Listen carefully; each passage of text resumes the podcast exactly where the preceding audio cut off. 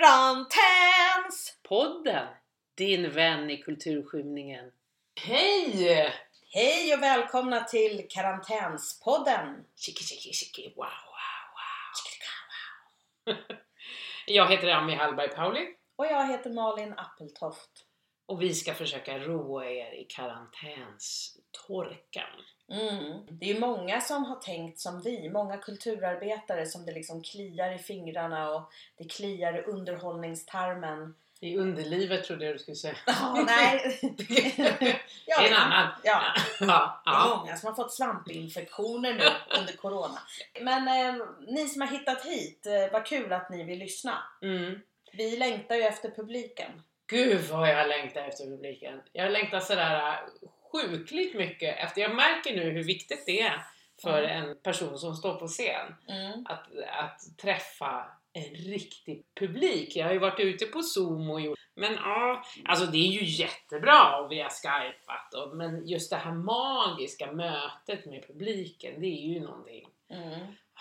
I mötet mellan scen och publik. Ja. Där sker, sker det något unikt. Där sker ju det här magiska som, som oftast går förlorat till exempel om man spelar in det på TV. Mm. Eller så, man måste vara där för att Mm. känna det och det tror jag säkert många som är i publiken också. Samma sak om man spelar teater, då händer det ju också både mellan publiken och de andra skådespelarna. Mm. Det är ju något magiskt som... Mm.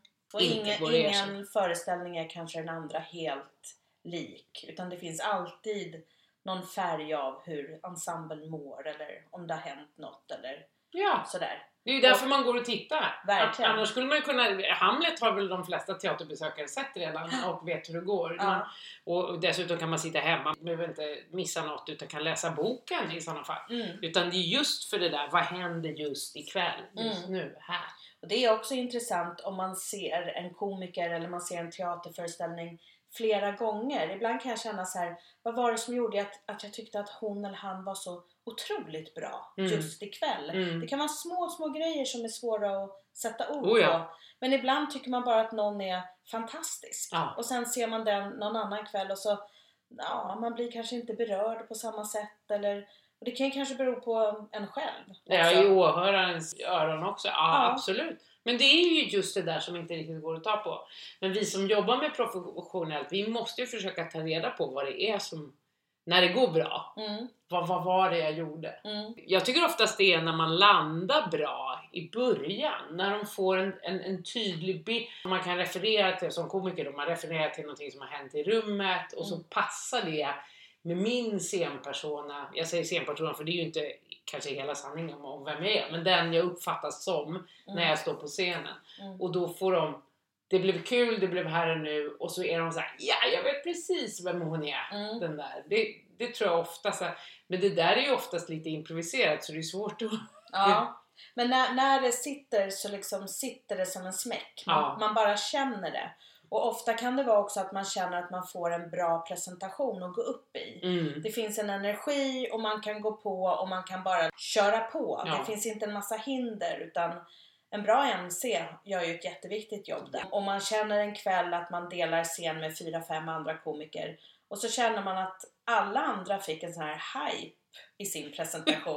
Det här är en jätterolig, Mm. eller en väldigt nära vän till mig, eller den här och, och showen och så får man själv bara, ja, och nu kommer Malin Mm. Appeltoft. Och så, det är liksom så, sånt jävla motstånd att gå upp det. Det är ju en dålig konferencier. Då får man, man får ju säga något bra även om man inte menar det. För att publik, man måste ju sälja in komikern som kommer. Verkligen. Det här blir fantastiskt. Ja.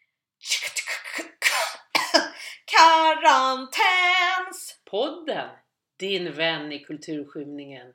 Idag har vi ingen gäst. Vi tänkte prata lite comedy helt enkelt. Lite stand-up. Precis, vi har inte pratat så mycket stand-up. Nej. Men vi är ju komiker och vi längtar efter publiken. Och så tänkte vi passa på att tipsa lite om en annan podcast som heter Mina värsta gig. Som ligger ja, på iTunes eller där man kan hitta bra podcasts. Niklas Runsten bjöd in ja, drygt 70 komiker tror jag som fick berätta om sina värsta gig. För det är väldigt kul när det går dåligt med stand-up och att prata och analysera om det. Efteråt ja, det är inte Mm. roligt just då. Nej, det är fruktansvärt. Mm. Men jag blev aldrig inbjuden att prata om mina värsta gig. Nej, inte jag heller. Nej. Så vi, vi gör en egen. Ja. Våra värsta gig. Chicka, chicka, chicka, wow, wow. Wow, välkomna! Men jag börjar med att fråga dig Ami, hur länge har du hållit på med stand-up nu? Men nu är det, eh, beror på, ja, men 14, 14, 15, 14 och ett halvt år. Ja. Och vad har du, om du tänker då ditt värsta gig eller dina värsta gig, vad är det du får upp i huvudet Mm. först? Ja, usch, det är alltid väldigt plågsamt det här. Men det jag får upp först är ett företagsgig. Jag tror jag nu skrivit om det i min bok, men det är väl inte alla som har läst den heller. Så att, Men du kan, vi kan ju passa på att säga att du har skrivit en stand-up handbok mm, det har jag. som heter, Stand-up-handboken, konsten att göra livet lite roligare. Mm. Precis, man kan göra lite reklam. ja, Ja, där jag, och det delger lite av mina erfarenheter från standup-livet och eh, även då lär ut hur, en handbok hur man gör stand ja. Mm. Den kan man ju läsa torrt från perm till perm eller också bläddra i och ta ut någon övning eller någon sekvens som man behöver fördjupa sig i. Mm. Om man nu skriver stand-up material. Och jag, jag kan tänka att någon ut som inte är det kanske får en liten inblick och ser hur det funkar i alla fall. Man behöver inte gå kurs och ska bli standupare för att läsa det. Men det Om man ska hålla tal finns det lite tips ja, också. och Ja. föreläsningar också. Mm. Vad bra! Stand-up-handboken då Mm. av Ami Hallberg Pauli Mm. passar vi på att göra reklam för. Ja, Men Ami, när, när du pratar här nu om ett företagsgig, det är kanske Mm. inte alla som vet riktigt hur våra gig ser ut och vad man har för olika sorters gig. Och Eller kanske, hade. Nej precis. Och alla kanske inte heller förstår att alla komiker har haft dåliga gig. Nej. Alltså även de allra största och bästa har Även Johan gång, Glans. Ja, även Babben. Även, Mm. alltså alla, alla har någon gång haft dåliga gig och då kallar man det för att man bombar eller att man helt enkelt misslyckas. Mm. Men, men tillbaka till ditt företagsgig. Jo, men om man är på en klubb, och man är på en stand-up-klubb, då är det ju oftast enklare. Vi får ju otroligt mycket mindre betalt då, men alla vill göra det, även de stora stjärnorna, för att det är roligt.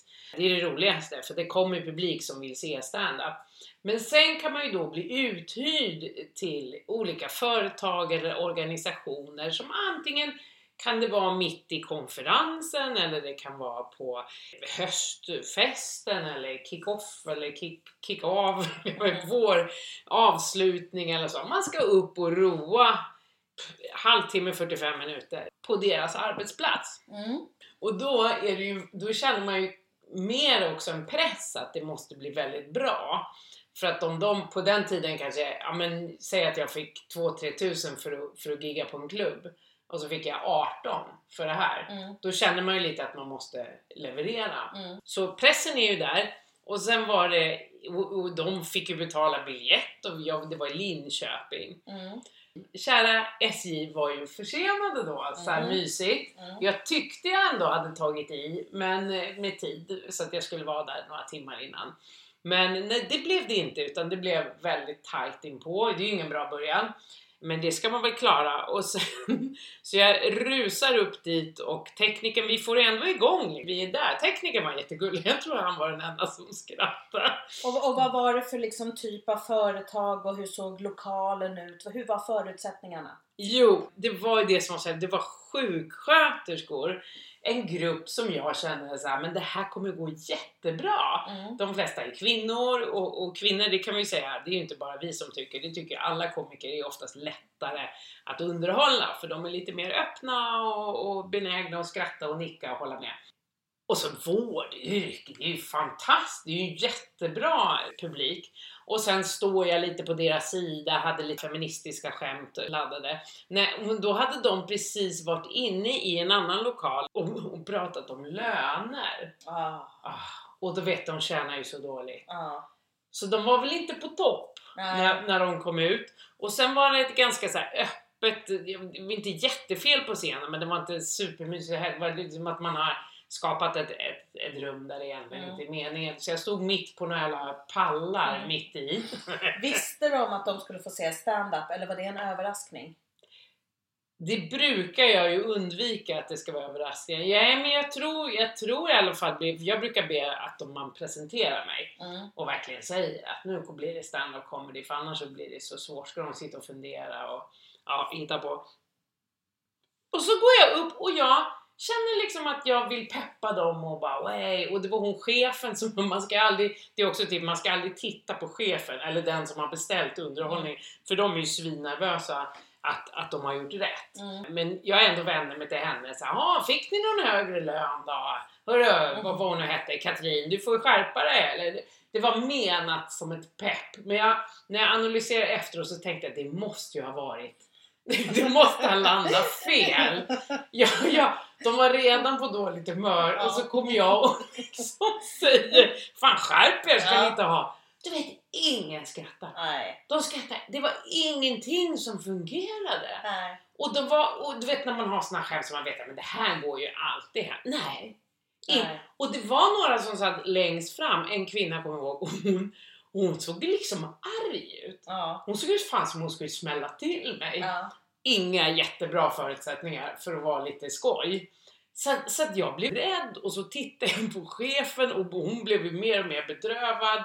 Och ingen skrattade och alla, man kan ju färgas samma som om det är en bra stämning i en standup-lokal, då färgas ju allihopa och då blir det bra. Men man kan också färgas av att det är dålig stämning, att Mm. några, några kanske hade tänkt att skratta men det liksom dras ner, Mm. ner och ner i jävla gyttjan.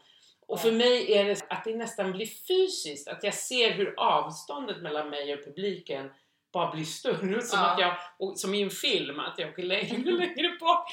Och sen kan man få känslan också att just när det är några backar de har lagt upp, att det blir så här roliga timmen. Så Mm. man bara, här står jag Mm. och låtsas att när man verkligen inte har den här connection och de ska sitta och titta och de bara hatar det. Karantäns! Podden, din vän i kulturskymningen. Men eh, hur många år hade du hållit på med stand Ja, men då hade jag ändå hållit på kanske sju, Mm. sex, sju år. Så att jag tyckte liksom att jag borde vara stabil. Mm.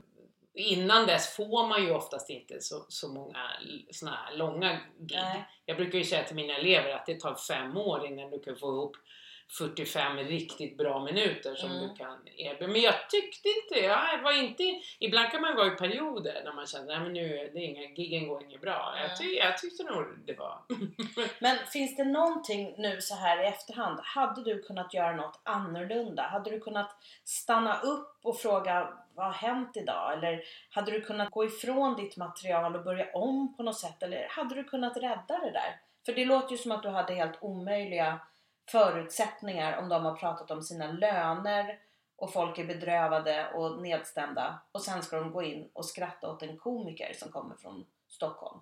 Ja, nej det, det kloka hade nog varit, ja från Stockholm dessutom, det kloka hade nog varit att, att fråga eh, rakt ut. För det är ju oftast det tipset som jag ger. Om det går åt helvete då känner man det är bättre att erkänna det. Alla känner ju det i alla fall. Mm.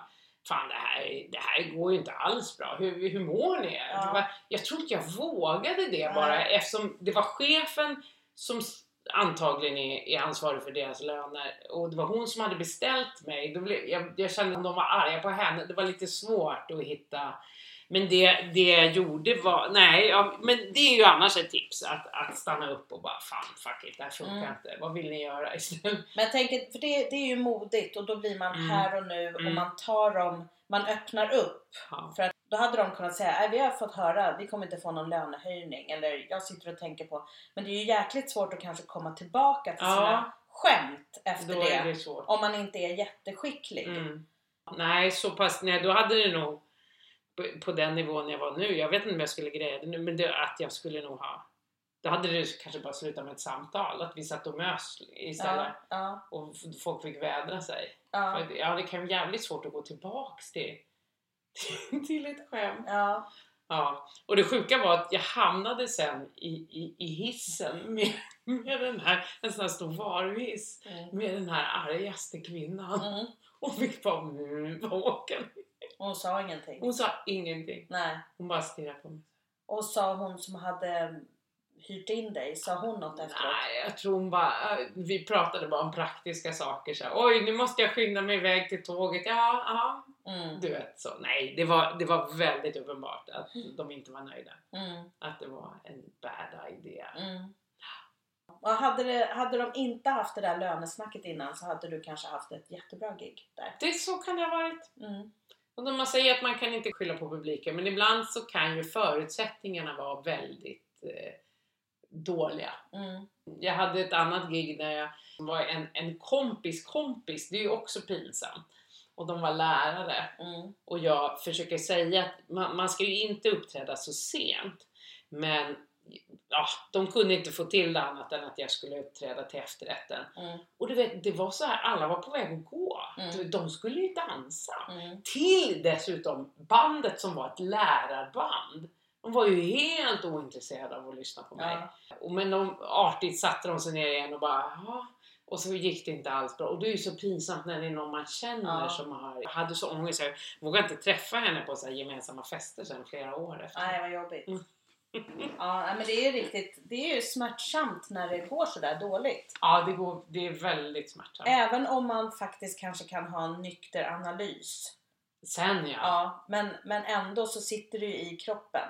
skammen. Ja, fruktansvärt. Karantäns! Podden, din vän i kulturskymningen. Själv då, har du? Uh, nej, men jag, jag har ju tyckt att jag har varit modig och bra och vågat vara dålig ibland. Eh, när man går till en rookie-scen och ska testa nytt. Nej, men som till exempel man går till Big Ben och så ska man testa nytt och sådär. Då tycker jag att man ska våga testa nytt och inte bara stå och köra Nej. sina bästa, säkraste Nej. 10 minuter liksom. Inte om man är hållit på så länge som vi har. Nej, Hur länge har du hållit på? jag började 2008 så att jag har hållit på Fyra år efter. Ja, Mm. Ja, men jag, jag, jag, kan bara nämna som en parentes egentligen. Någon gång när jag har kommit till Big Ben och ska testa nytt och så dyker någon sån här känd, etablerad komiker Mm. upp och ska bara testa några nya skämt. Och då händer ju något bland komikerna som är där. Helt plötsligt, jag, jag var där för två år sedan tror jag i, i juni, det var en sån här varm sommarkväll, det kändes helt omotiverat att gå ner i den där källaren. Men det var ändå publik där och jag hade skrivit ihop lite grejer som jag ville testa.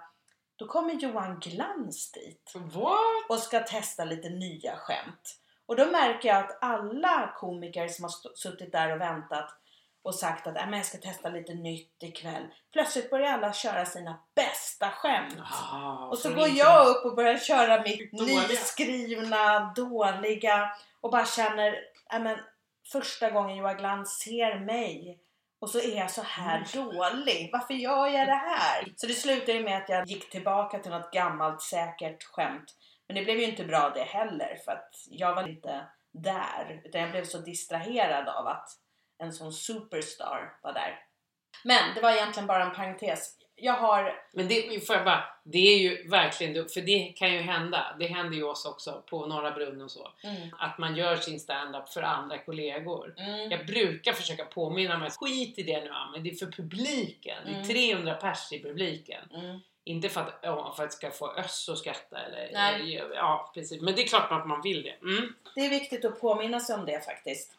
Och en del komiker som också ställer sig in hos andra komiker genom att skratta jättehögt åt just den komikerns skämt.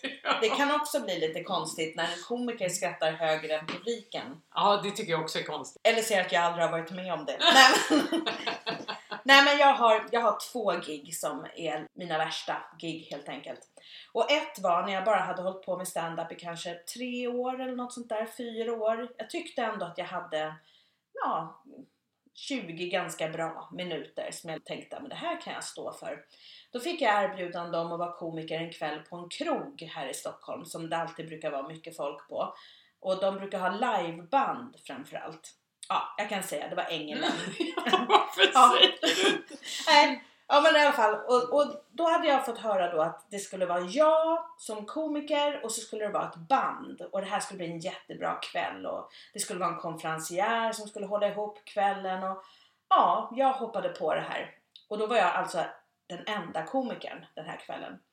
Och så kommer jag fram och bör, börjar ana lite oråd när jag ser att hela publiken är hårdrockare som är så jävla taggade för att se sitt favoritband. Ett hårdrocksband från Dalarna.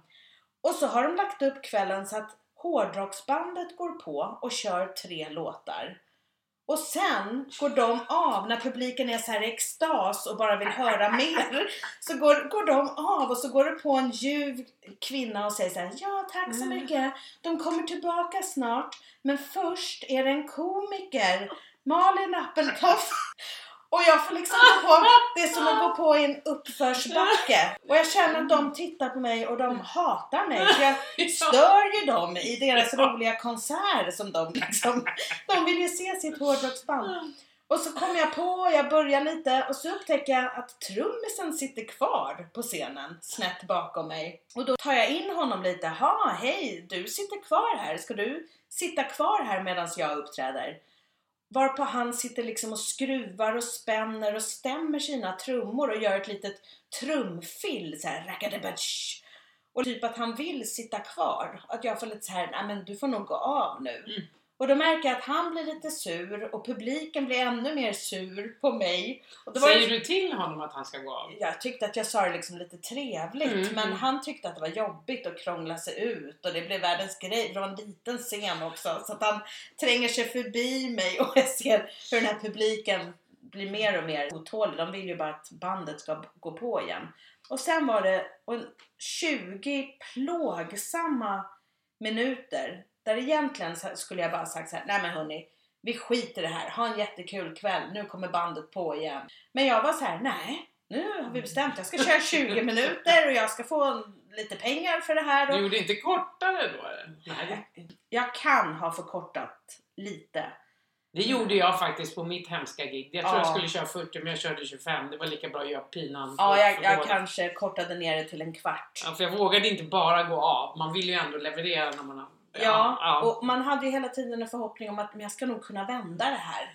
Men Lite till, jag lägger in det där jätteroliga skämtet lite snabbare här för att verkligen fånga dem. Nej men det var ingen som lyssnade på det. Men då har jag inget starkt avslutningsskämt. Alltså allt blev skitdåligt. Och de enda som inte var hårdrockare det var min chef, min rektor på en skola som jag Nej. jobbat på. Hon hade tagit med sig en väninna för att komma ut och se mig. Och så såg de det här katastrofala fiaskot. Fruktansvärt.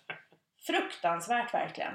Och sen har jag ett annat gig. Men som- applåderade de när du gick på eller var de bara så här? ja, nej, de småpratade hela tiden, passade på att gå till baren och köpa grejer. Och, så var det några som försökte titta och skratta lite men de... Men jag måste ju faktiskt säga, det var ju en fruktansvärt dålig planering. Ja. Och du hade ju kunnat vara före bandet i alla fall. Ja. Inte efter om det var. Nej. Men, men inte mitt i. Nej, och hade jag vetat att det var ett sånt här band som hade hela sin fanclub där, att de var nå då hade jag ju aldrig gått med på det här. Men i mina ganska färska öron så lät det här som ett bra gig. Ja, ja. Men jag fattade ju redan när jag kom dit, de kommer inte vilja se mig. De är ju inte här för att Det är se bara så här, man, man går ut på Globen bara helt tajt. Beyoncé uppträder så efter tre låtar. Ja hej, vi har en kille här som ska jonglera i en kvart.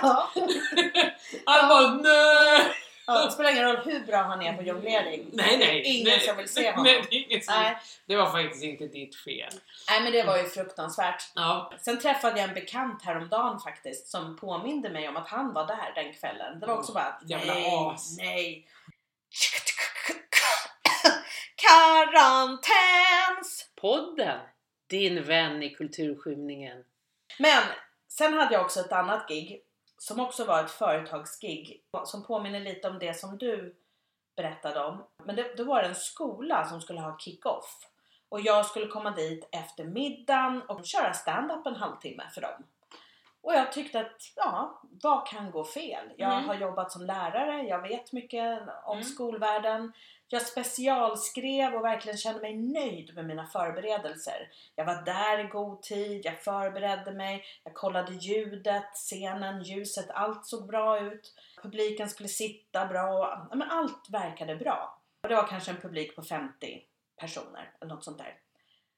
Sen när jag presenteras så märker jag direkt när jag kommer på att den här publiken reagerar väldigt märkligt. De är inte som en vanlig standup-publik. Så att jag genomför mitt gig men jag har hela tiden känslan av att vad, vad är det som är fel?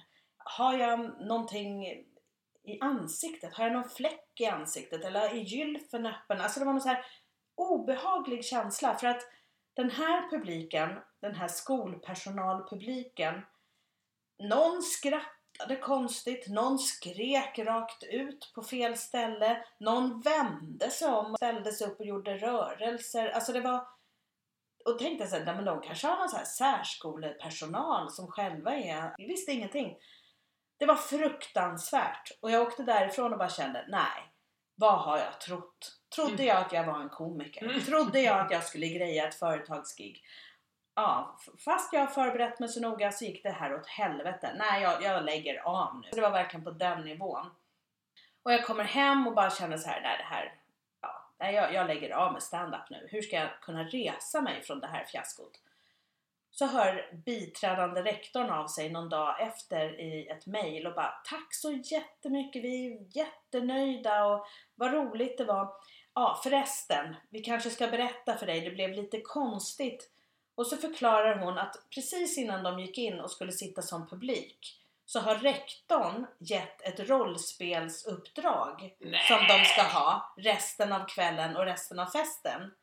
Så att någon hade fått att den skulle vara Björn Borg och någon hade fått att den skulle skratta på fel ställen. Och då var det några som trodde att det börjar nu.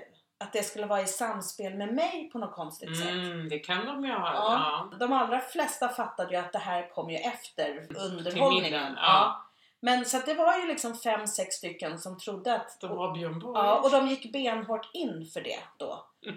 Och inte så att de efter ett tag tänkte att ingen annan håller ju på och är i sin roll. Nej men jag fortsätter. Så det var ju ändå en lättnad och samtidigt blev man ju lite, men vad i helvete? Hur tänkte Då kunde ni? ju hon ha delat ut de där grejerna senare. Ja, ja, ja. ja, Eller förklarat lite mer noga. Men nu Mm. släpper vi det. Nu är det stand-up eller... Men det var ju bara fruktansvärt gig. fruktansvärt. Gud vad konstigt att uppträda för ett gäng som, som rollspelar. Ja. Karantäns! Podden, din vän i kulturskymningen. Men då får man väl säga det, man, för att skapa bra förutsättningar, även de som är kunder får ju tänka på det här. Vill publiken ha stand-up just nu? Ser de komikern? Hör de komikern? Är de för fulla och vill dansa? Mm. Eller har de något annat eh, uppdrag? För det, är så, det kan ju kosta ganska mycket pengar att beställa en komiker. Det, och det brukar jag ha som argument att ja, vill ni få en bra show? Vill ni att publiken ska vara nöjda? Då måste det här tekniken och ljuset och ljudet, då måste det funka. Ja. För eran skull, inte för min skull så mycket. Jag kan ju, även om det är fruktansvärt plågsamt, men det är ju ändå de som har betalat för en, för en tjänst. Mm. Och så, får, så blir den bara halvdan för att de har gjort dåliga ja. förberedelser. Och ganska mycket kan man ju specificera att det här måste funka. Ljud, ljus, att de ser mig. Att de sitter där. nära, Ja. inte långt Och att bort. det inte är precis innan man har sagt att nu ska ni få mat, men vänta först ska ni lyssna och skratta. Utan, Eller nu ska ni få kicken allihopa. nej precis. Men, men ibland kan det ju också vara så att man får ett gig och så kommer man dit och så tänker man det här kommer gå åt helvete. Därför att inte riktigt alla förutsättningar är som man har bestämt eller de har lovat. Och sen kan det ju gå svinbra. Alltså jag vet, jag stod på ett bröllop en gång. De hade sagt att de hade ordnat scen och ljud och ljus. Scenen var en trappa på fem trappsteg ner i en liten lokal där folk stod. Så att de var en meter ifrån mig. Och mixladden räckte inte riktigt ända fram. Så att jag stod i en trappa halvböjd över räcket och pratade i en ganska dålig mick. Men där var folk så jäkla glada och på så att där blev det ju världens toppen-gig i alla fall. På, på något konstigt Mm. sätt. Men så ska man inte behöva ha det. Nej. Men, Men jag har ju också kommit till gig när det var typ sju pers. Man tänker, just den här roliga timmen-känslan. Det känns som man står för sina föräldrar och det är ju priser. Man bara säger det är under vår värdighet. Det kan, jag kan inte... Men det blev jätte... De bara jo, kör! Och liksom var på. Så, och då kan det bli lite, får man ju anpassa lite så att det blir som ett samtal nästan Ja. när det är så få. ja. Men att det faktiskt funkar. För så kan det ju också vara att man själv känner att "Nej, men, nu kommer inte jag till min rätt. Men så känner publiken ändå att man har bekräftat dem. Så de går därifrån med en härlig känsla av att vi ändå har haft roligt tillsammans. Mm. Och det är ju det vi, det är vårt jobb. Ja. Att de ska känna så. Mm. Det ska man he- inte heller blamea, det, det får man vara försiktig med. Det lärde jag mig när, med när jag spelade teater. Att man, om man själv är missnöjd över sitt gig och någon kommer fram och säger Gud vad bra det var och, och faktiskt menar det och är helt uppfylld, då kan man säga Åh, äh, nej men jag tyckte inte det var... Mm. Du får inte beröva deras upplevelse. De bara, ah, nej, det kanske inte... När vi gjorde impro, teater, improvisation så kunde det ju alltid bli lite så. Mm. Ah, nej, jag kanske inte tyckte att jag gjorde så mycket bra grejer eller kom, fick Mm. vara med så mycket. Nej, ah, nej så, så berövar jag dem på, på sin... Ja. De, de tyckte det var fantastiskt. Då får Ja. de väl tycka det. Det ska vi ju Ja. aldrig... Vi måste ju sälja in det både under och efter showen. Liksom. Ja. Inte ge upp. Men det är ju lite att man är professionell då i sin roll. Ja. Även om man är lite missnöjd själv så måste publiken få behålla den där härliga känslan. Mm. Men det är alltid roligt med misslyckanden. Tänk att det är det. Varför Ja. är det roligt? Det är väl ändå komedi, saker som går fel. Mm. Statusfallen, Ja, bananskalen. Ja, man tappar ansiktet ja. Och, och det är väldigt roligt att höra när någon berättar det för att man kan leva sig in i ja, det fruktansvärda. ja. Som inte alls är roligt just då, men, men det är väldigt roligt efteråt. Det är ungefär som en fars när man spelar teater. Det är ju inte roligt för så att säga rollkaraktärerna. En springer omkring och är olyckligt kär, en är snål och ska rädda sitt. Men utifrån så ser det väldigt roligt ut. ja. Det, det är ju roligt med folk som kämpar.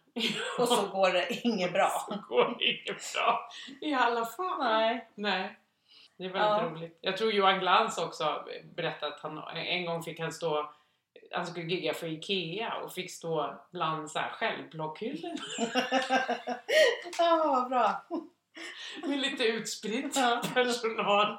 Inte heller kanske. Nej. Så det, ja men vi får säga det, det är inte för att vi är divor som vi vill ha bra förutsättningar. Det är för att ni ska få en bra show. Ja, alla tjänar på det.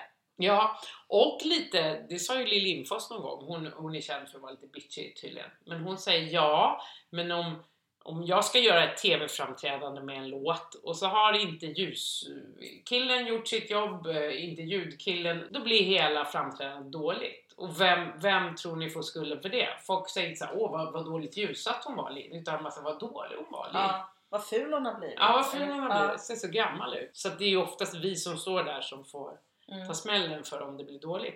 Samtidigt som vi får jävla mycket cred när det går bra. Så Mm. det är ett bra jobb. Mm. Om det nu finns någon levande publik att uppträda Ja. inför.